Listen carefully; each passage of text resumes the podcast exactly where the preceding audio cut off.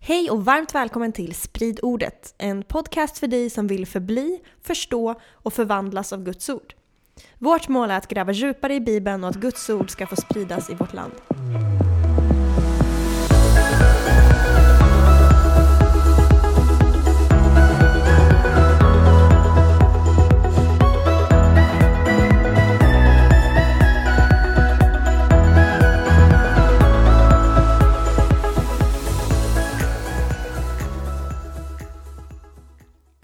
Hur i hela friden ska man förstå vad man läser egentligen? Det var en fråga som den etiopiska hovmannen ställde sig i eh, Apostlagärningarna 8 till evangelisten Filippus. Lite parafraserat, inte direkt citat, men ungefär. Eh, det är väl ändå en rimlig fråga. Hur ska man förstå vad man läser? Verkligen. Eh, Alla har ju inte en Petrus rakt framför sig som kan förklara allting. du, det där vet jag inte om det är sant. Men, eller, att jag kan förklara allt stämmer inte. Ehm, men det är väl lite det vi tänkte att det här avsnittet skulle handla om. Lite så här hur, hur jag gör när jag studerar Bibeln. Eh, och lite så här vad vi, vi kan prata om hur man kan, Mm. ha, hur man kan lära, förstå Bibeln bättre. typ. Bibelstudier. Ja. Liksom. Eh, Vilket egentligen är ett tema på hela den här podden, alltså att vi Verkligen. studerar Bibeln. Men lite Verkligen. mer konkret, hands-on, eller? Ja, ja men typ. typ. Alltså jag fick värsta idén typ så här tio minuter innan vi klickade på rec här och började spela in podden. Det var att men jag kanske ska göra en lista bara med tolv punkter på regler eller riktlinjer. Eller regler låter så hårt, men jag vet inte. Ja. Så att jag har liksom slängt ihop lite sådana ja, grejer. Och jag vill inte säga att det är någon exakt vetenskap här, utan jag bara hoppas det här kan vara till välsignelse och riktlinje och vägledning. Typ. Så hela det här avsnittet tog tio minuter för dig att förbereda? Nej, så är det verkligen inte. Men det var, jag, jag har ju haft massa idéer och sen så bara, ja men jag kanske ska, vi kanske ska göra på det sättet. Mm. Ehm, och det är väl lite det här, för att verkligen förstå på djupet vad man läser i Bibeln så behöver vi ofta ta steget från bibelläsning till bibelstudier. Vad är skillnaden? Jo, men så här, vi har ju ofta pratat om vikten av att läsa Bibeln och vilken positiv in- impact det har på ens liv. Vi gjorde det i första avsnittet Mm. i den här serien. Men att gå från läsning till studerande, det, det, är, det är lite som så här, bibelläsning räcker sällan till för att förstå allt vad man läser. Mm. Eller hur? Utan det behövs liksom någon nästa steg på något sätt. Att man... Ja, Ja, men för att förstå mer runt omkring. Ja, alltså om, vi- om vi tar skillnaderna, det är typ så här, läsning, det är väl mer att man, det är ganska avslappnat och det motivationen är väl personlig berikning kanske. Man fyller på med Guds ord. Ja, exakt. Och det är kanske inte för att bemästra ett innehåll, utan det är ganska avslappnat och sådär. Mm. Bibelläsning har som mål att det ska vara en glädje, alltså det ska vara personlig applikation i våra liv kanske. Eh, och det ska vara välsigna relationen med. Gud. Ja, precis. Medan bibelstudier, det, är lite mer, det kräver lite mer koncentration och ansträngning. Alltså studerande kräver ju ofta någon form av metod eller teknik. Man kanske behöver redskap, verktyg. Att man ställer frågor mer aktivt, tänker på kontext, gör bedömningar, söker massa information. Ja, om det är lite skillnader så. Mm. Även om det är överlappande, men det är ju ändå skillnad. Eh, och båda behövs. Båda är väldigt viktiga i ens liv som kristen. Mm. Men jag tänkte att vi idag ska prata om bibelstudier. Då. Och jag vill börja med att säga att bibelstudier kanske inte är ett ord som klingar så gott i allas öron. Eller så här, om man... Ja, men om man inte är så teoretiskt lagd och inte tycker det är, alltså, är så kul. Ja. Eller om man har någon form av eh, nej, men dyslexi. Mm. Det, det låter ju bara jobbigt och svårt och nu ska sitta instängd i två timmar med någon som pratar jättetort i, i, med en ton hela tiden. Ja, ja, ja, men exakt, exakt. Och ofta så här om man, jag har bilden av mig att det är typ så här att om kyrkor annonserar nu ska vi ha eh, Bible study night eller bibelstudiekväll, då dyker det mycket färre upp än om man säger vi ska ha en lovsångskväll Mm. till exempel. Så det är någonting där i att Det skaver. ja, det bibelstudier låter kanske inte lika attraktivt på något sätt. Nej. Nej. Men jag, Ska vi göra ändring på det nu då eller? jag hoppas att vår podd kan inspirera människor till att gräva djupare i Bibeln. Men så här, om vi börjar med varför studera Bibeln. Det är ju först och främst för att vi vill verkligen ta reda på Guds hjärta. Mm. Vi vill veta vad Gud säger oss genom texten. Vi vill inte bara läsa texter för att typ styrka våra egna antaganden, Mm. eller, utan vi vill höra Guds röst. Vilket också är ett syfte med att bara läsa Bibeln också. Ja, ja, verkligen. Men det är det här, som jag nämnde någon gång tidigare, alltså att det, Bibeln är så komplex så att man kan liksom förvränga den för att passa sin agenda. And yet so simple. Ja, men titta bara på eller nu Ukraina-kriget. Putin citerar Bibeln, säger att ingen har större kärlek än när han lägger ner sitt liv för sina vänner. Och så upp, piskar han upp det ryska folket och motiverar till krig. Men jag menar, det är ju verkligen inte Bibelns budskap någonstans, det han står, säger liksom och propagerar för. Nej. Om vi tar så ett tydligt exempel. Och Om man läser Bibeln och studerar Bibeln då ser man ju att djävulen gjorde samma sak. ja, exakt, exakt, han citerar verkligen Bibeln. Men, Should have read more thoroughly. ja, så att bibelstudier, bibelstudier är väl mer till för att sluta höra sin egen röst på något sätt och börja höra Guds röst. Men också att inte behöva upp, eh, uppfinna hjulet igen Mm. på svåra teologiska frågor som andra faktiskt har studerat i flera tusen år. Verkligen, verkligen. Så det är, det är många aspekter av det hela. Men vi vill ju gärna att skriften ska ha en profetisk kraft att ändra ens liv och sätta en fri och att leva som Gud har tänkt för ens liv. För det Mm. livet är så fantastiskt. Det är ju liv och liv i överflöd där man får leva i Guds väg. Dö från sig själv och låta Kristus leva igenom en. Men ja, det är måste vi- vackert. Ja, det är det. Men då måste vi ju på något sätt seriöst studera texten, lära oss vad den säger. Mm. Eh, och det finns olika redskap, tekniker och sådär. Och jag tänker att vi ska göra det nästa avsnitt. Prata om mer så avancerade redskap. typ Avancerade. Verktyg. Ja, men verktyg verkligen. Som så här, för de som vill nörda in sig och applicera det själv kan göra. Mm. Men nu tänkte jag prata mer om typ så här, riktlinjer och regler, eller regler, men ja, som jag använder den som mental modell när jag studerar Bibeln. Mm.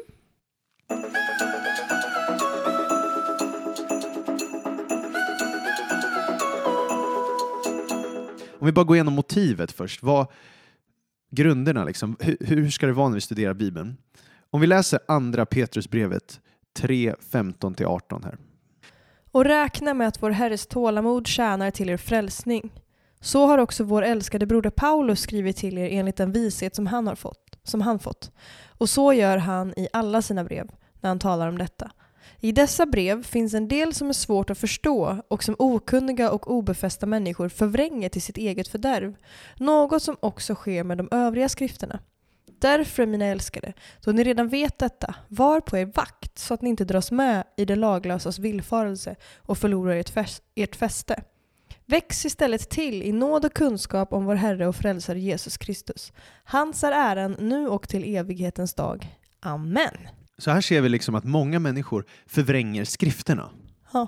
Man vrider på dem för att använda Bibeln för sina syften så att säga. Men det känns- är inte vad vi vill göra. Eller vad sa du? Ja. Nej, jag tänkte bara lägga till Ja. att det känns också som att han gör lite så här, eh, eh, heter det? Han går lite till attack till Paulus. Hallå, du är lite otydlig här.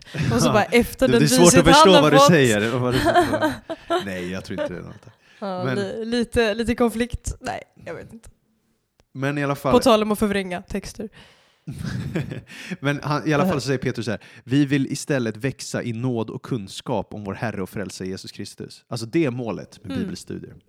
Bra fokus. Så att, liksom, om jag skulle göra upp en lista på så här, de här reglerna, eller vad ska vi kalla det? ja, jag, jag tänkte på det, här. om, om, vi, om vi ska göra 12 regler, eller 12 punkter, 12 punkter för bibelstudier. För det är lite, man vill inte ta 10 punkter, då blir man som Gud, liksom 10 Guds budord.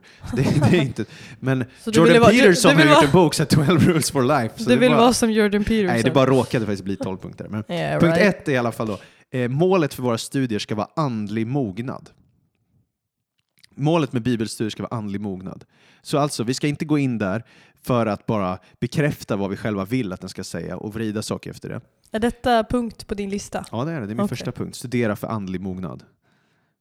Ja, Mm. för att Alltså, du skämtade om det här om dagen Jenny. Typ, så här. Du sa att man kan verkligen tolka allting negativt eller vrida saker till att passa sin världsbild. Typ, så här. Du, du, man kan alltid vara kränkt till exempel. Mm. Kan du inte ge något exempel? Det var ganska roligt. Eh, ja men till exempel att du får en ny tröja i present. Alla tycker jag har fula kläder. Mm. Tack. Eller någon säger wow vad fint du sjöng idag. Ja, så de tycker inte jag sjunger fint annars. Exakt, man kan ju liksom, Eller- hur man vill, man kan, ja, säg en till. Eller åh vad kul att se dig. Ja det var kul att se mig men hade du pratat med mig då hade du inte tyckt det var kul. ja, Eller vad som ja, helst. precis, man kan verkligen Man vrida kan allt. alltid vara sur om man vill. Precis, man kan alltid vrida allt till sin tolkning så här. Men det är det som är utmaningen med bibelstudier här, att vi vill på något sätt tolka Bibeln korrekt. Det vi vill göra är att dö bort från oss själva och istället ägna oss åt andlig mognad. Och det är därför andra Petrusbrevet säger att vi ska växa i nåd och kunskap om vår Herre och Frälsare Jesus Kristus. För det är målet med studerandet. Alltså det räcker inte bara med kunskap, utan vi behöver växa i nåden. Greppa nåden, förvandlas av nåden. Så att bara växa i kunskap kan faktiskt vara farligt. Och så att bara växa i Kunskap. kunskap. Säger inte Salomo något om det där? Att mycket kunskap eh, leder till att man blir deppig. Ja, ja, ja, ja, precis. Ja, precis. Så exakt, det leder till stor sorg. Men, men det är så här, för det jag menar med det är att många som studerar Bibeln, forskar i Bibeln, de mognar inte andligt. Nej, precis. Du, De kan, ju, växer bara i kunskap. du kan ju vara liksom professor i bibelkunskap Mm. och inte känna Jesus men tycka det är spännande med gammal kultur. Typ. Exakt. Så du blir fortfarande inte frigjord från syndens kraft. Du lever inte i helgelse och du lever inte i kärlek. Det är Och, samma, jag kan vara asbra på att läsa recept men jag kan fortfarande vara väldigt, väldigt dålig på att laga mat. ja, exakt. Ja, men verkligen, verkligen. Och och det vill säga då är att vi behöver alltid helig ande i allt det här vi gör. Andens Halleluja. hjälp för att forma oss. Så att, det vill säga att ingen kristen mognar in i fundamentalism eller stolthet. Så typ så här, ju mer vi studerar texten med andens hjälp, desto mer ödmjuka ska vi bli. Alltså mognaden övertygar oss om att allt i skriften är kanske inte solklart. Och det var Guds intention. Och vissa saker är klara. Sådär. Men om Gud hade velat att till exempel eskatologi, läran om sista tiden, skulle vara supersolklart, då hade han gjort det. Eh, eller så vidare. Så vi dras in i, vi ska, när man studerar Bibeln, då ska man bli mer ödmjuk, inte mer stolt. Och första Korinthierbrevet 8.1 säger att kunskapen blåser upp, men kärleken bygger upp. Mm. Så det, det, det är som att det finns många så kallat bibeltrogna, säger jag så här, i, i citattecken, som är väldigt hårda, väldigt svartvita, väldigt ibland hatiska. Och det är, det är ofta för att stolthet har tagit rot i deras hjärta. Stolthet över vad? Ja, att man kan så mycket. Ah. Man kan Bibeln, man är minsann rätt, man gör allting rätt. Och så har det inte blivit någon andlig mognad utan kunskapen blåser upp, kärleken bygger upp. Så man har inte växt i Mm. kärlek. Även om målet med studerandet ska ju vara att kunskapen ska stimulera att du växer i nåd också. Mm. Och det är det här som är diket av fariseism. Alltså fariséerna var Mm. sådana, lagiskheten. Medan det andra diket, det är liberal teologi. Och det vill säga då är att ingen kristen mognar iväg från att vara trogen evangeliet och biblisk auktoritet. Och hur Det är inte, menar du då? Det, då mognar ju, det är inte en mognad då. Alltså, till exempel, ju mer du studerar Bibeln och desto mer ska vi säga, andlig upplysning du får, det kommer inte innebära att du blir mindre förundrad över Kristi verk, att du börjar sluta tro på Bibelns övernaturlighet, att du börjar ifrågasätta Bibelns auktoritet. Alltså, det är inte att andlig mognad. Då, ju, då har du fått, eh, då bär det någon annan frukt. Ja, för då börjar du inte tro på det övernaturliga längre. Och då är det som att din bibelstudie har förstört tron istället för matat tron. Mm. Och då har man troligtvis kommit igen in i högmod och stolthet, samma rot som det andra diket med stolthet. Att man anser sig vara så upplyst eller så veta bättre än vad Bibeln lär. Så man kanske, ja men Bibelns författare var dumma i huvudet, det här eller deras kultur var så konstig och så ser vi ner på den, ägnar oss åt typ kronologiskt snobberi, eller vad ska jag säga, och ser ner på andra. Och det här, det här är liksom diket av sadduceism eller saddukeism som också fanns på Jesu tid, alltså de här liberalteologerna på Jesu tid. De trodde inte att änglar fanns, de trodde inte på dödas uppståndelse. det. Och, så här. Eh, och det är olika diken man kan hamna i, även fast Mm. man läser skrifterna mycket, för det var ju människor som verkligen läste skrifterna på Jesu tid också. Ja. Men de hamnade i diken av lagiskhet eller liberal teologi då. Mm. Men, men att studera Bibeln och komma till de slutsatserna, det är inte andlig mognad. Nej. Det är andlig omognad. ja, det är någonting annat i alla Men fall. det är ju, det är ju liksom en del i, i Guds rike. Att du kommer inte kunna he- hela massa bara för att du kan mycket mer om Bibeln. Mm. Alltså du kan vara nyfrälst och mycket mer, har en mycket närmare relation med Jesus än någon som har gått hela livet och kan mycket mer. Det Ja. kan ju snarare vara svårare ibland, Ja. ju mer man kan. Eh, det, det är inte så logiskt, Guds rike. Det går över logiken. Ja men exakt. Det är verkligen så. Och det är väl så här, kristen mognad består inte blott i ökad kunskap. Nej, det är väl liksom att man, eh, man eh, värderar eh, det här barnaskapet på ett annat sätt. Sen är det ju bra, alltså nu ska jag ju inte tala bort att vi ska läsa Bibeln. tvärtom. Det- vi kommer prata Det här, ska, om det. det här ska ju få oss mer och mer ja. att älska Jesus. Men det finns ju också något vackert i att bara lita på Gud. Också. Verkligen. utan att förstå. Mm. Eh, det ena och det andra. Och sen säger jag inte att vi förstår allt ju mer vi läser heller. Men vi, vi förstår ju mer och vi kan ju undvika väldigt många problem av att vi läser Bibeln. Ja. För att vi får en lite mer överblick och guidelines. Yeah. Jag vet till exempel att jag ska inte gå och döda någon för det står i Bibeln. Eller så här. Mm. Mm. Och det, ja, det löser vissa problem. Men sen så... Alltså, det tror jag en människa som inte läser Bibeln också förstår. Jo men det var ett dåligt exempel. Men jag vet till exempel att jag kan bli skadad andligt av om jag eh, ger min kropp till massa människor. Mm. Det lär jag mig i Bibeln. Eh, och det kan jag förhindra Mm. genom att jag läser Bibeln och förstår att jaha, Gud har en särskild plan eh, för det här området. Mm. Förlåt, nu bara snurrar jag iväg. Fattar du vad jag vill komma fram till? Jag tror det. Jag tror det. Jag tror någonstans, alltså, det är väl också bara, kristen mognad består inte bara i kunskap, men det består i lydnad, eller hur? Och Amen. att så här, Och ju mer vi vet vad vi ska lyda. mm, precis, Ja. exakt. Och, och Läs Bibeln vänner, det är Ja. bra. exakt, nej men bara, om jag får uttrycka det krasst, så det kommer säkert finnas väldigt många bibelforskare i helvetet. Oj. För att det går att känna till alla detaljer, citera bibelverser och bli en laglärd så att säga, utan att ordet aldrig förvandlar dig, aldrig landar i ditt hjärta. Så vad är det värt om jag kan citera typ eh, stora delar av Moseböckerna men så, så, och känner till alla profetior om Jesus, men jag ändå skäller på dig, vresig mot dig, kort i tonen mot mina medmänniskor, eh, otrogen. Alltså, vad blir det värt då? I Om du slutändan? inte känner Jesus. Ja, kan känna till om Jesus men Så anledningen till att studera Guds ord är att det ska få läsa oss också, alltså att det ska få spegla våra liv. Så att du vet, Jakobsbrevet har en fin bild av att ordet är som en spegel och, och att ordet ska bli det som vi reflekterar i slutändan. Och då säger han där i sitt brev typ, att vi ska lägga bort orenhet, vi ska lägga bort ondska, lägga bort synden, rensa bort den och ta ödmjukt emot ordet. mm. Och, och då kommer vi helt enkelt tillbaka till ordet ödmjukhet. Liksom, I ödmjukhet komma till skriften, okej vad säger det? För att sen låta det förvandla oss, låta ordet med andens hjälp bli ett nytt sätt att leva på. Ehm, och Petrus brev talar mycket om det, alltså gör allt ni kan för att i er tro visa dygd, kunskap, i kunskapen självbehärskning, i självbehärskning uthållighet, uthållighet gudsfruktan, i den broderlig kärlek, i den kärleken till alla människor. För om allt det här finns till och växer hos er, då blir er kunskap om vår Herre Jesus Kristus inte overksam utan bär frukt. Men om man glömmer bort det, då är man blind och närsynt. Det här är liksom första kapitlet av andra Petrusbrevet. Mm. Och bara om du växer i kunskap utan att lägga till dygd, självbehärskning, uthållighet, gudsfruktan, kärlek, ja men då blir du blind, då ser du ingenting. Du tappar perceptionen, du har missat grejen. Mm. För du behöver förstå att du har blivit förlåten, du har blivit renad från Gud. Det behöver vara en tacksamhetsrespons och nu vill du lära känna Gud. Så liksom Mm. motivet med att studera Bibeln, det ska vara jag vill lära känna Gud, jag vill lära känna hans röst, jag vill förstå mer av hans rike, Mm. eh, jag vill växa andligt sett. Mm. Så att motiven är på rätt plats. Amen. Typ Sen så. kan man ju också växa in i motiven tänker jag också. Mm. Alltså om du lyssnar på det här och kanske aldrig öppnat en bibel.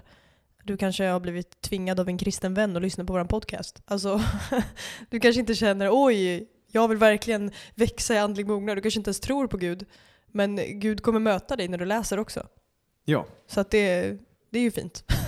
verkligen, verkligen. Typiskt bra Gud. Verkligen, men det jag menar är att om man kommer med stolthet och hårdhet, Mm. då är det svårt även för, för liksom Gud att tala till dig. Om du Mm. redan har förutbestämda uppfattningar, du har redan ett förhärdat hjärta Mm. och du vill inte låta ordet förvandla dig. Nej. Nej. Typ så. Mm. Så liksom min första regel, eller vad vi ska kalla det, riktlinje, det är att studera Bibeln för, för andlig mognad eller för att lära känna Jesus. så att säga. Amen. Och det andra punkten då, det är inbjuden helig ande. Halleluja, den tycker jag ska vara först. Ja, det kanske ska vara först egentligen. Då. Men för att verkligen förstå Bibeln behöver du faktiskt vara frälst. Återigen, det här är det här jag pratar om. För att du måste vara en andlig människa. Att vara född på nytt är viktigare än att kunna hebreiska och grekiska. För att verkligen, verkligen, verkligen förstå vad Bibeln säger. Eh, och vi kan läsa det här i första Korinthierbrevet 2, vers 9-16. Men vi känner som skriften säger, vad ögat inte har sett och örat inte hört och människohjärtat inte kunnat ana, vad Gud har berättat dem som älskar honom. Ty för oss har Gud uppenbarat det genom sin ande. Anden utforskar allt, också djupen i Gud. Vem vet vad som finns i människan utan människans egen ande? Så vet heller ingen vad som är i Gud, utom Guds ande. Men vi har inte fått världens ande, utan den ande som är från Gud för att vi ska veta vad vi har fått av Gud. Detta förkunnar vi också. Inte med ord som mänsklig visdom lär, utan med ord som anden lär. När vi återger andliga ting med andliga ord. En oandlig människa tar inte emot det som tillhör Guds ande. Det är dårskap för henne och hon kan inte förstå det, eftersom det måste bedömas på ett andligt sätt. Den andliga människan däremot bedömer allt, men själv kan hon inte bedömas av någon. Ty vem har lärt känna Herrens sinne så att han kan undervisa honom? Men vi har Kristi sinne. Så här står det liksom att en oandlig människa, alltså en människa som inte har Guds ande på sin insida, kan inte ta emot det som tillhör Guds ande, för det är dårskap för henne och hon kan inte förstå det. Alltså det är omöjligt att förstå det, eftersom det måste bedömas på ett andligt sätt. Och jag kan bara säga i mitt eget liv att när jag blev född på nytt, liksom strax innan jag fyllde 20, då helt plötsligt började skrifterna lysa för mig. Jag började se saker, jag började förstå saker som jag tidigare hade hört men aldrig fattat. Mm. Och det är den här övernaturliga födseln på något sätt, att Bibeln är övernaturlig också, att helig ande lyser upp skrifterna på ett nytt sätt. Mm. Fast där undrar jag. Jag har nyligen läst en bok om eh, eh, muslimer som blir frälsta. Och där var det en del tvärtom saker. Att de läser Bibeln och först efter det blir frälsta. Och då undrar jag, vad är definitionen på en oandlig människa? Kan det vara att man inte söker efter Gud? Mm. De söker ju Gud Ja, när de läser Bibeln. ja men de har ju fortfarande inte hunnit ta emot Jesus nej, men på då är, insidan. nej, och de har inte tagit emot Jesus för de har inte förstått grejen. Nej. Det är först när de förstår grejen de tar emot Jesus. Och det är då den övernaturliga födseln ägt rum. Och då plötsligt fattar de allt de tidigare läst. Hänger du med? Ja, fast de blir ju frälsta. Till ett exempel då. I islam finns det ingenting som kan eh, intyga att du kommer till paradiset. Inte ens Mohammed visste vart han skulle hamna innan han dog. Eh, så då läste jag ett vittnesbörd om en typ imam eller sheik eller något som läste i bibeln och såg att Jesus säger att ja, men i min fars hus finns många rum och jag förbereder för er. Mm. Och då blev han frälst. Mm. Han var ju inte frälst när han läste det, men han blev det för att han insåg att oj, här finns ju faktiskt svar på den här frågan jag alltid undrat. Mm. Och då är det ju tvärtom. Eller? Är det? Nej, jag tycker att det, det är Gud som drar i honom då Ja. genom skrifterna. Eh, och liksom, ja, det är klart, alltså självklart, Gud talar igenom allt. Gud talar genom skapelsen, Gud talar genom människor. Men för att verkligen förstå Bibelns budskap, det är lite som lärjungarna, de Mm. följde Jesus i tre och ett halvt år. Sen dör han och uppstår från de döda och ändå hade de inte fattat grejen. Mm. Och sen när han går med eh, några lärjungar på Emmausvägen i Lukas 24 och då berättar han om att Messias behöver lida och dö och uppstå på tredje dagen. Och då börjar det brinna i deras hjärtan. Precis. Och sen i brytandet av brödet, då öppnas deras ögon och så försvinner han från deras åsyn. Och där är det liksom att, okej, de har haft en dialog, de har mött skrifterna länge, de har en, en världsbild som är formad av Bibeln, Mm. men det är som att poletten trillar ner en dag. Mm. Och det, när poletten trillar ner, det är verkligen som att de kliver in i det här, ja, men, vad ska vi kalla born again experience. Typ. Mm.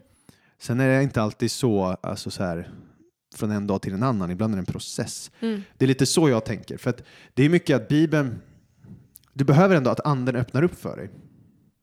För Bibeln, det är verkligen ett övernaturligt verk Gud gör i en människa. Absolut. Gud drar ju människor, de här muslimerna som läser Bibeln. Bara, det är, eller låt ett annat exempel. Matteus 16. Simon Petrus säger till Jesus, du är Messias, den levande Gudens son. Mm. Och då säger Jesus till honom, amen säger jag dig, liksom Simon Barjona, kött och blod har inte uppenbarat det här för dig, utan min fader som är i himlen. Mm. Så Petrus har umgåtts med Jesus, han har connected dots. Men det tillskrivs fortfarande Gud verket som har skett i hans hjärta. Mm. Så han har fortfarande umgåtts med Guds ord, han har hört Bibeln, han har hört allt det här. Men sen när poletten trillar ner, då tillskrivs verket till Gud själv. Mm. Ja, jag vet inte, make it sense? Eller? Jo då.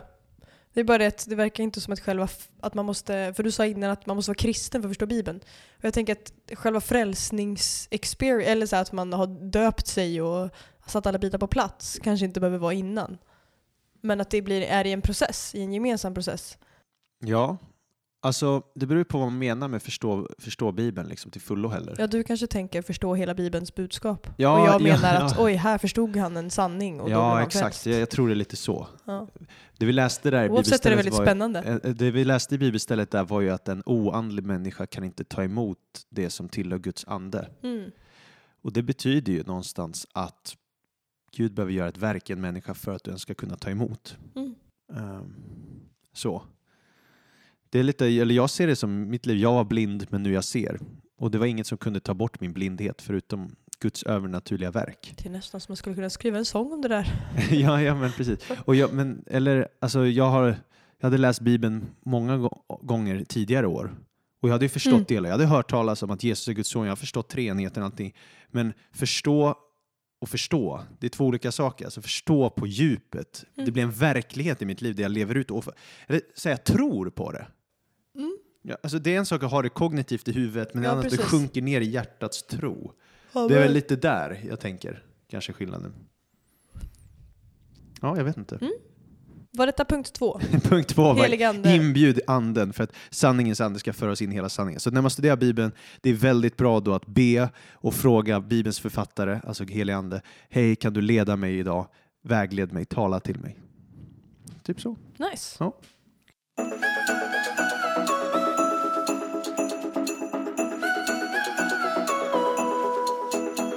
Nummer tre då är ta del av undervisning som hjälper dig förstå. Och då jag menar är då, tack och lov finns det jättemycket folk som har lagt ner jättemycket tid och energi på att försöka förstå Bibeln. Bibellärare eller pastorer eller något annat som gjort hårt arbete för att vi ska kunna få skörda frukten av deras arbete. Det var snällt. Så det är jätteviktigt att lyssna till lärare. Eh, alltså så här, för att Bibeln förväntar sig aldrig att vi ska bara läsa Bibeln och förstå allt, Mm. enligt Bibeln själv. Utan vi behöver att andra förklarar oss. Och du började ju där episoden med att prata om etiopiska hovmannen som, som säger så här, eh, hur ska jag kunna förstå om någon inte vägleder mig? Mm. För han är där i apostlagärningarna, han åker, eh, han åker vagn, han läser profeten Jesaja, han läser Bibeln. Mm. Och Gud börjar väl tala till honom för att det finns en längtan i honom att förstå det här. Mm. Och evangelisten Filippus kommer dit och säger, förstår du vad du läser? Och mannen säger, nej, hur skulle jag kunna om inte någon förklarar för mig? Och då säger ju typ Filippus i stil med, ja, men, eller, eller då säger han, kan jag få sätta mig bredvid dig? Och då sätter han sig bredvid honom och förklarar det här. Mm. Och så förstår han. Och då vill han ta emot Jesus och döper sig och alltihop liksom. Och allt blir halleluja. och Filippus fick en gratis ride. Precis, så där var det liksom Symbios. att han behövde att någon annan förklarade skrifterna och lyste upp dem för honom. Så uppenbarelsen kom inte bara som en blixt från ovan, utan det förmedlas genom en människa som förklarar. Och då är vi tillbaka till det här med ödmjukhet. Att vi behöver varann. Och Ja. det här med alltså att eh, när bilden av att församlingen är en kropp. Mm. Att alla är inte bibellärare. Alla är inte lovsångsledare. Men eh, vi behöver varann. Det är fint. Verkligen fint. En snygg plan av Herren. Ja, exakt. Och det står ju det i både Romarbrevet 12 och Första Korinthierbrevet 12 att så här, vi, vi, är ju, vi har olika roller i, i församlingen. Mm. Men några har gåvan att undervisa och de ska undervisa i läran. Gud har Mm. satt vissa till lärare. Och, och det står också det i Efesierbrevet 4, så här, att Gud har gett vissa till lärare för att utrusta de heliga, till att bygga upp Kristi kropp. Så, här, så att vi når fram till enheten i tron och kunskapen om Guds son till ett sånt mått av manlig mognad att vi blir helt uppfyllda av Kristus. Så målet är igen att vi ska bli uppfyllda av Kristus. Halleluja. Det är läran. Och då i mitt liv, alltså jag kan ju bara säga att jag skulle, om jag bara hade varit hemma och läst Bibeln, då hade jag inte alls förstått lika mycket som jag gör idag för att jag har lyssnat du är på ju lärare. rätt korkad. Ja, jo, men, jo, jo, exakt så, exakt så. Det är precis så. Jag är rätt korkad. Nej. Nej, men jag fattar inte saker och då behöver jag att folk förklarar för mig. Och då har jag lyssnat på olika poddar eller Youtube-videos eller min lokala pastor eller böcker jag läst. Eller jag har läst på bibelkommentarer på internet där folk ska kommentera olika verser. Det här är det vi tror det betyder och så vidare. Men då måste jag fråga, du pratade innan om fariseer och saduceer, om olika diken. Hur vet man vem man ska lyssna på det? Det finns ju apmycket undervisning. Men alltså, det är det som är så intressant också. Jesus eh, sa till och med till dem i sin samtid, lyssna på fariseerna. Typ, lyssna på de skriftslärda, men gör inte som de gör. så där är det också så här, wow vad intressant. Att de kan förmedla sanningar fast de själva inte praktiserar vad de lär ut. Mm. Men ja, Nej, men man får väl be till den helige ande först och främst. Och sen så vill man ju alltid att de man lyssnar på, att de hela tiden refererar till Bibeln. Mm. Att det inte bara är en massa personliga anekdotiska berättelser, utan att man faktiskt rotar det i skrifterna. Mm. Då blir det mycket mer trovärdigt. Mm. Och en annan bra tips är att ha en studiebibel. Där det står kommentarer och det finns en atlas och det öppnar upp ens ögon för Bibeln Mm. på ett annat sätt. Man ser hur saker hänger ihop. Och en hemsida jag vill slå slag för är biblehub.com. Biblehub.com. Vad är det för typ av hemsida? Det är en gratis hemsida med så här supermånga bra bibelkommentarer. Man typ slår, det är på engelska dock, det finns inte Mm. på svenska. Men man går in, väljer en bibelvers och så kan man läsa hur massa smarta människor tänker om den här versen. Vad de tror den betyder, hur de tänker och så vidare. Ooh, nice. Ja, så det är det. Så om det första var då liksom studera för andlig mognad, inbjud en helig ande och eh, det tredje var ju då att ta del av undervisning som hjälper dig förstå. Då skulle jag säga det fjärde är inse att det kommer kräva ansträngning också. Hur vågar du kräva något av mig? Nej men bibelstudie är arbete. Liksom bara för att, eller okej en jätte, det kanske är en dålig bild, men tänk dig så här, en fotbollsspelare som är kristen. Mm. Han ber innan matchen, okej Gud, hjälp mig. Eller hon. Eller hon, ja verkligen. Hjälp mig vinna den här matchen. Så här, led mig nu, typ. Det betyder inte bara att man sen kan strunta i att lägga ner massa arbete efter det. Nej. Nej. Ändå tänker vi kanske ofta så kring Bibeln. Att det räcker med en bön och sen så ska jag bara läsa och ska förstå allt. Och sen då, en eh, fotbollsspelare tycker ju förhoppningsvis att det är väldigt kul att spela fotboll. Och det kan vara roligt arbete. Men sen kan det också vara att man behöver gymma och det kanske inte fotbollsspelaren tycker är lika kul. Mm. Men det behöver den också göra. Så att bara för för att att man ser det större målet. Ja, nej men så bara för att vi använder ordet ansträngning och arbete behöver inte det betyda att det bara är tråkigt. Alltså det är ju väldigt spännande, men det betyder inte heller att det bara är roligt. Ibland är det liksom, ja, man behöver ibland läsa saker som kanske inte är så kul. Ja, exakt. Och ibland är det jättekul. Verkligen. Det är lite både och. Ja, jag vet inte vad folk har för bild av mig via podcasten, för vi är ofta ganska glada och så här. Det finns ju stunder när jag läser saker jag bara, den här texten är så tråkig och den är så torr, liksom. men jag letar för att jag tänker jag kanske hittar någonting här som verkligen lyser upp mina ögon för något nytt. Ja. Och ibland är det inte det. Nej. Ibland är det som att vaska guld. Man bara plöjer igenom massa smuts och sen man vaskar och så hittar man någonting till slut. Ja. Nej men jag vill bara slå ett slag för det, bara för att vi säger att det kräver ansträngning behöver det inte betyda att det är tråkigt. Alltså det kräver ansträngning att gå på en rolig tipspromenad också. Du behöver gå. Ja, Men det det, är inte, det är inte hårt arbete. Alltså, hårt arbete. Men det är verk- Bibeln säger liksom, gör allt du kan för att bestå provet inför Gud, likt en arbetare som inte behöver skämmas utan rätt dela sanningens ord. Mm. Det är i och för sig Paulus som säger det till en pastor, men han säger verkligen, gör allt du kan för att hitta sanningens ord, liksom förstå sanningens ord, rätt dela det, liksom urskilja i Bibeln. Och, Mm. så det är hårt arbete bakom. Och inget kan liksom ersätta noggrann efterforskning av bibel, bibeltexten. För liksom, tänk själv, hur kan vi säga att vi har en biblisk teologi när det, när det kanske egentligen är att vi har en trosbekännelseteologi? Eller en mina föräldrar sa det teologi? Eller min pastor sa det teologi? Eller den kristna boken sa det teologi? Mm. Alltså, alla de sakerna, behöver, inget av det behöver vara fel. Trosbekännelse är bra, lärare är bra, böcker är bra, allt det där är bra. Men det är ändå andrahandsinformation. Mm. Ibland, det är antagligen tillräckligt för grundläggande idéer, men troligtvis räcker det inte för liksom en noggrann genomtänkt teologi som härstammar från bibliska texten. Mm. Eh, Det är därför typ mitt favoritbibelord är Apostlagärningarna 17.11. Och jag vet du, du läser det eh, för oss. Jag tycker det är så bra. Judarna där var mer öppna än de i Thessalonika. De tog emot ordet med all villighet och forskade dagligen i skrifterna för att se om det kunde förhålla sig så. Exakt, det här är Så de rotar. Ja, alltså de, de lyssnar på det som sägs. Bara, wow, jag är öppen för den här tanken. Nu ska jag gå tillbaks till Bibeln och kolla, stämmer det här överens med vad de har sagt? Mm.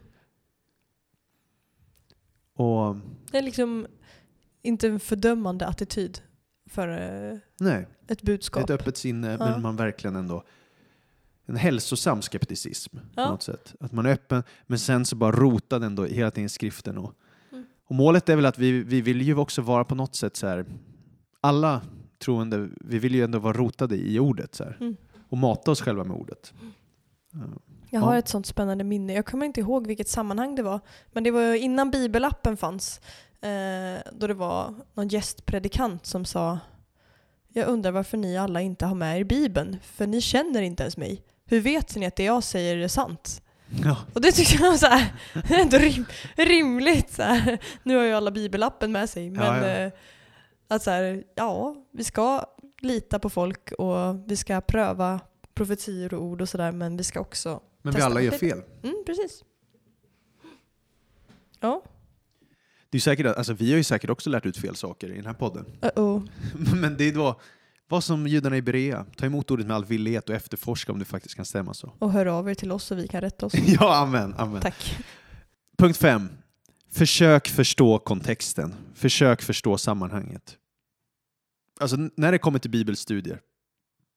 Det absolut viktigaste, förutom den heliga andes uppenbarelse, då, det är Mhm. kontexten. Det är sammanhanget. Dels den litterära kontexten, men framförallt så här, historiska och kulturella sammanhanget. För Bibeln måste tolkas i kontext. Och den här kontexten, det är inte din egna kontext. Det är inte ens din teologiska traditions kontext. Mm. Utan det är kontexten som producerade texten. Det vill säga gamla Mellanöstern, gamla Främre Orienten, där vi runt omkring Mm. Medelhavet. Och det är faktiskt så att om man låter sin teologiska tradition filtrera Bibeln, då gör man inte gedigen, djup bibelstudie eller exegetik. Alltså för Bibeln skrevs inte när Augustinus levde, eller medeltiden, eller reformationen när Luther och Calvin levde. Den le- skrevs inte under den moderna eran, eller hur? Det Nej. skrevs inte under upplysningstiden, det skrevs inte med moderna evangelikala kristna. Alla de här kontexterna är främmande för Bibelns författare. Mm. Ändå är de ofta filtret genom vilket vi läser Bibeln. Och det kan mycket väl vara så att det de säger stämmer med Bibeln, men ibland kanske det inte gör det. Och hela tiden att träna oss själva och utmana oss själva. För att liksom, på något sätt har vi som kristna blivit tränade omedvetet, eller kanske medvetet, att tänka att kristendomens historia är på något sätt den sanna kontexten för att tolka Bibeln. Mm. Men det är det ju inte. Alltså det kan vara tufft att höra, men kristen historia eller tanke är ju inte Bibelns författares kontext. Nej. Alltså det är, det är inte kyrkofäderna som levde när Bibeln skrevs, utan många av dem levde ju tusentals år efter stora delar av hebreiska Bibeln, Gamla Testamentet. Augustinus, så här, en av de mest kända kyrkofäderna, han levde 300 år efter Paulus omvändelse. Det är alltså mer tid än sen när USA grundades för oss idag. Mm. Förstår du tidsgapet ändå? Mm.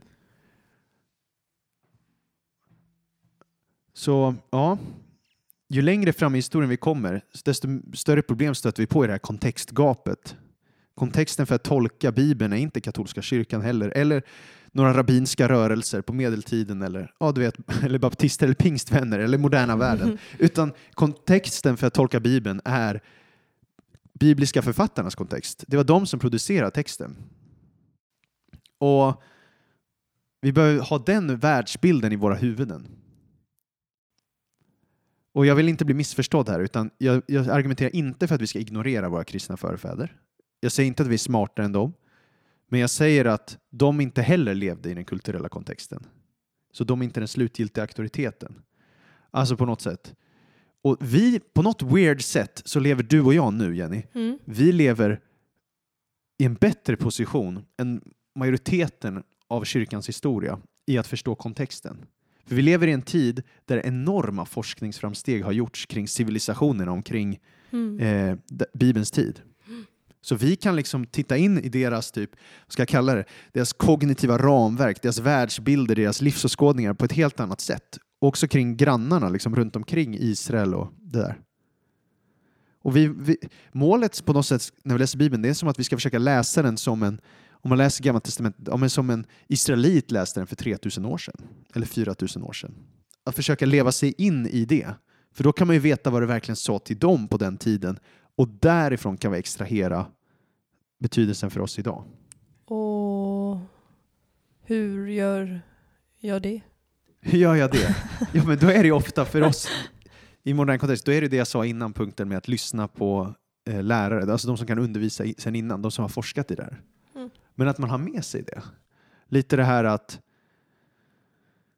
ja, många saker förstår vi ändå bara utan det här kontextgapet. Men vissa saker missar vi totalt för att vi inte lever oss in i den världsbilden.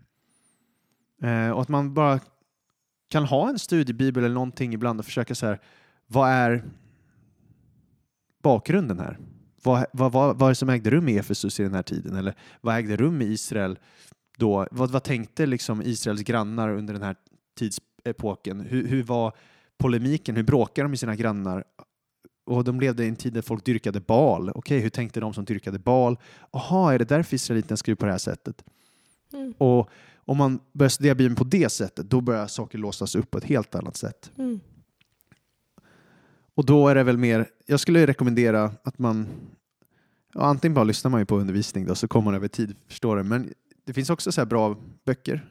Jag, jag tycker en är jättebra, det heter The IVP Bible Background Commentary, som ger så här his- historiska, kulturella kontexten till olika passager och beskriver hur det Mm. Spännande. var i den tiden.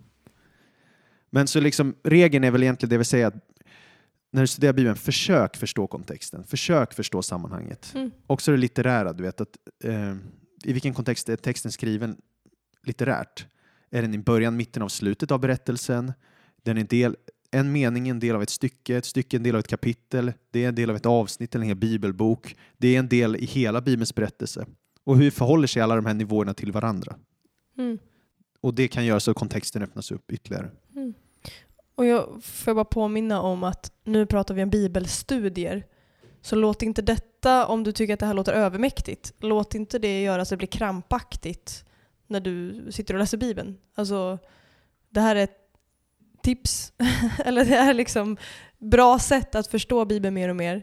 Men eh, jag menar, precis innan du ska springa till skolan eller till jobbet, då hinner du liksom inte dra upp en eh, tre timmars bibelundervisning eller en Nej, nej. studiebibel. Bara påminna Nej, om det. precis. Nu Men pratar vi väl lite- bibelstudier. Ja, exakt. Det är väl lite som man kan ändå laga en kopp kaffe, men ibland om man verkligen bemästrar hantverket, då kan man göra någon riktig lyxkaffe. Liksom.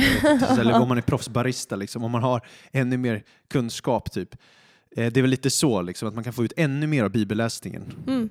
Men att kontext, oavsett, gärna att man försöker så gott Mm. det går. Bara, Okej, leva sig in i sammanhanget. Mm. Och ett, nej, får man ge tips? Ja, Ett superbra tips är ju att läs Bibeln så här med din hemgrupp. Om du är liksom, går du i en bönegrupp eller så här. Läs bi- eller starta en bibelgrupp. Du behöver ju inte kunna allting heller. Ni kan leta tillsammans. Eh, det tycker jag har varit väldigt givande när man har suttit i grupp och grävt. Det är jättekul. Ja. Yes! Det sjätte, det är väl typ, jag tänker mig att när man studerar Bibeln, tänk på att Bibeln är både gudomlig och mänsklig och behandlar den som det. Mm. Så Gud valde människor att skriva texten. Så försök förstå författarens intention. Alltså män, Mm. människans. Han hade säkert ett syfte med varför han skrev som han skrev. Mm. Försök förstå författarens intention bakom. Och ja, låt Bibeln vara vad det är menat att vara. Så här. Och kom ihåg att Bibeln är skriven för oss men inte till oss. Mm. Så att den skrevs inte till Jenny år 2022. Utan Nej. den skrevs till liksom de i sin samtid. Men Mm. den är skriven för oss. Och då är det det här kontextgapet. Yes. Och vad var författarens intention? Men också då, den är gudomlig, så vilka profetiska element kan jag se här? Mm. Coolt. Ja, det sjunde då. Försök hitta parallellhänvisningar och mönster. Så låt text tolka text. Vad jag menar med det är typ, försök hitta ibland, i Bibeln refererar jätteofta till sig själv. Mm. Som vi pratar om i podden hela tiden. Typ, så Mm. Att jag läser ett ställe och då står det, ehm, jag vet, eh, nu kommer jag inte på några exempel bara för det. Eh, Han har fött oss på nytt i, i kraft av sanningens ord så vi ska vara en förstlingsfrukt och, och bla bla bla. Då, då bara okej, vad är en förstlingsfrukt för någonting? Då får man slå upp på andra ställen i Bibeln vad det står om förstlingsfrukt så kan man förstå Mm. den versen ännu mer till exempel. Och det här, i min, jag vet inte hur det är i flestas biblar, men i, min folkbibel så är det ju i fotnoterna så står det som parallellhänvisningar så Mm. man kan slå upp de verserna. Och då får, det är som det roligaste sättet att studera Bibeln tycker jag. Man Mm. slår upp från text till text liksom. Och det roligaste är det Uppenbarelseboken. För det är bara fullsmockat med sådana här parallellhänvisningar. Och, Överallt, hela Ja. Bibeln. Kors och tvärs. ja, nummer åtta är läs olika översättningar. Så det är klart att det idealistiska skulle väl vara att ja, men om man kan läsa Bibeln på hebreiska och grekiska och arameiska. Men de flesta av oss kan inte det. Inte jag. Nej, exakt. Jag kan inte heller läsa den på eh, liksom stora delar. Och, och vad, vad grejen är då är att om man läser översättningar då kan man få fram nyanser man annars hade missat. Ett tips är ju, på engelska finns ju Amplified Bible och på svenska, den håller på att översättas, vad är den heter? Kärnbibeln. Då är det massa inom parenteser med massa grejer som eh, också kan betyda. Ja, men det, är, det är lite som en studiebibel skulle Ja, jag säga. Alltså, den ger så extra förklaringar. Mm. Eh, och översättningar är olika strategier. Vissa översättningar är mer parafraser och vissa Mm. är mer försöker bokstavligt talat översätta som, det som Mm. står bokstav för bokstav. Och det kan vara nice att jämföra de olika Mm. och se, okej, så jag kan nog ana lite vad hebreiskan eller grekiskan vill få fram här, bara genom Mm. att läsa översättningen. Mm. Ja, nummer nio. Är det konstigt är det viktigt. Det är där av en anledning. Alltså det är inte bara random. Allt i skriften finns där av en anledning. Varenda bokstav är där med av en avsikt. Så är något weird, då är det som en skylt som säger så här, gräv här. Så att vi ska inte bli skrämda för de saker vi inte fattar, utan det ska väcka nyfikenhet och vara öppna för att ja, men vi kommer kanske förstå det här om några år. Och vissa saker kanske är ett mysterium, men Mm. bara inte bara vifta bort det, utan weird saker kan vara nice. Så. Och lite irriterande. Ja, verkligen. verkligen. Typ så här som när Paulus säger att eh, en kvinna ska ha en makt på huvudet för änglarnas skull. Eller när Jesus säger Åh vad bra att ni har med er några svärd, det räcker. Ja, vi, jag har jättemånga tankar om båda de här verserna vi citerar, men vi behöver inte ta det nu. Men det är weird, då är det viktigt. För att allt finns där med en anledning. Mhm. Ja. Nummer tio då. Låt Jesus vara i centrum av dina bibelstudier. Och jag menar, det är ju det här vår podcast är. Vi bara dränker oss med Jesus. Eller hur? Han är skrifternas stjärna och kärna. Han är det som är i centrum av allt. Han ska Mm. vara i mitten av varje läsning. Och, och när, allt, när allt känns lite konstigt, om man läser något i hebreiska bibeln, läser där GT, man bara, vad är det här för lag? Och så testar man att sätta Jesus i mitten. Och ibland är det bara som att, ja, ah, nu fattar jag det här. Mm. Man läser någon konstig lag om asylregler och eh, blodshämnd och allting. Och så sätter man bara Jesus i mitten. Ah, nu fattar jag, det är en bild på Jesus. Eller ja. Eller om du är där på de här konstiga bibelställena där du inte förstår. Och det bara känns frustrerande och du ja, känner dig låst. Ja men gå tillbaks till kärnan om Jesus. Så här, Mm. Jag förstår inte det här men jag vet att Gud är god. Jag förstår Ja. inte det här men jag vet att Jesus dog för mina synder. Det är också en hjälp i processen med saker man inte förstår. Boom. Amen.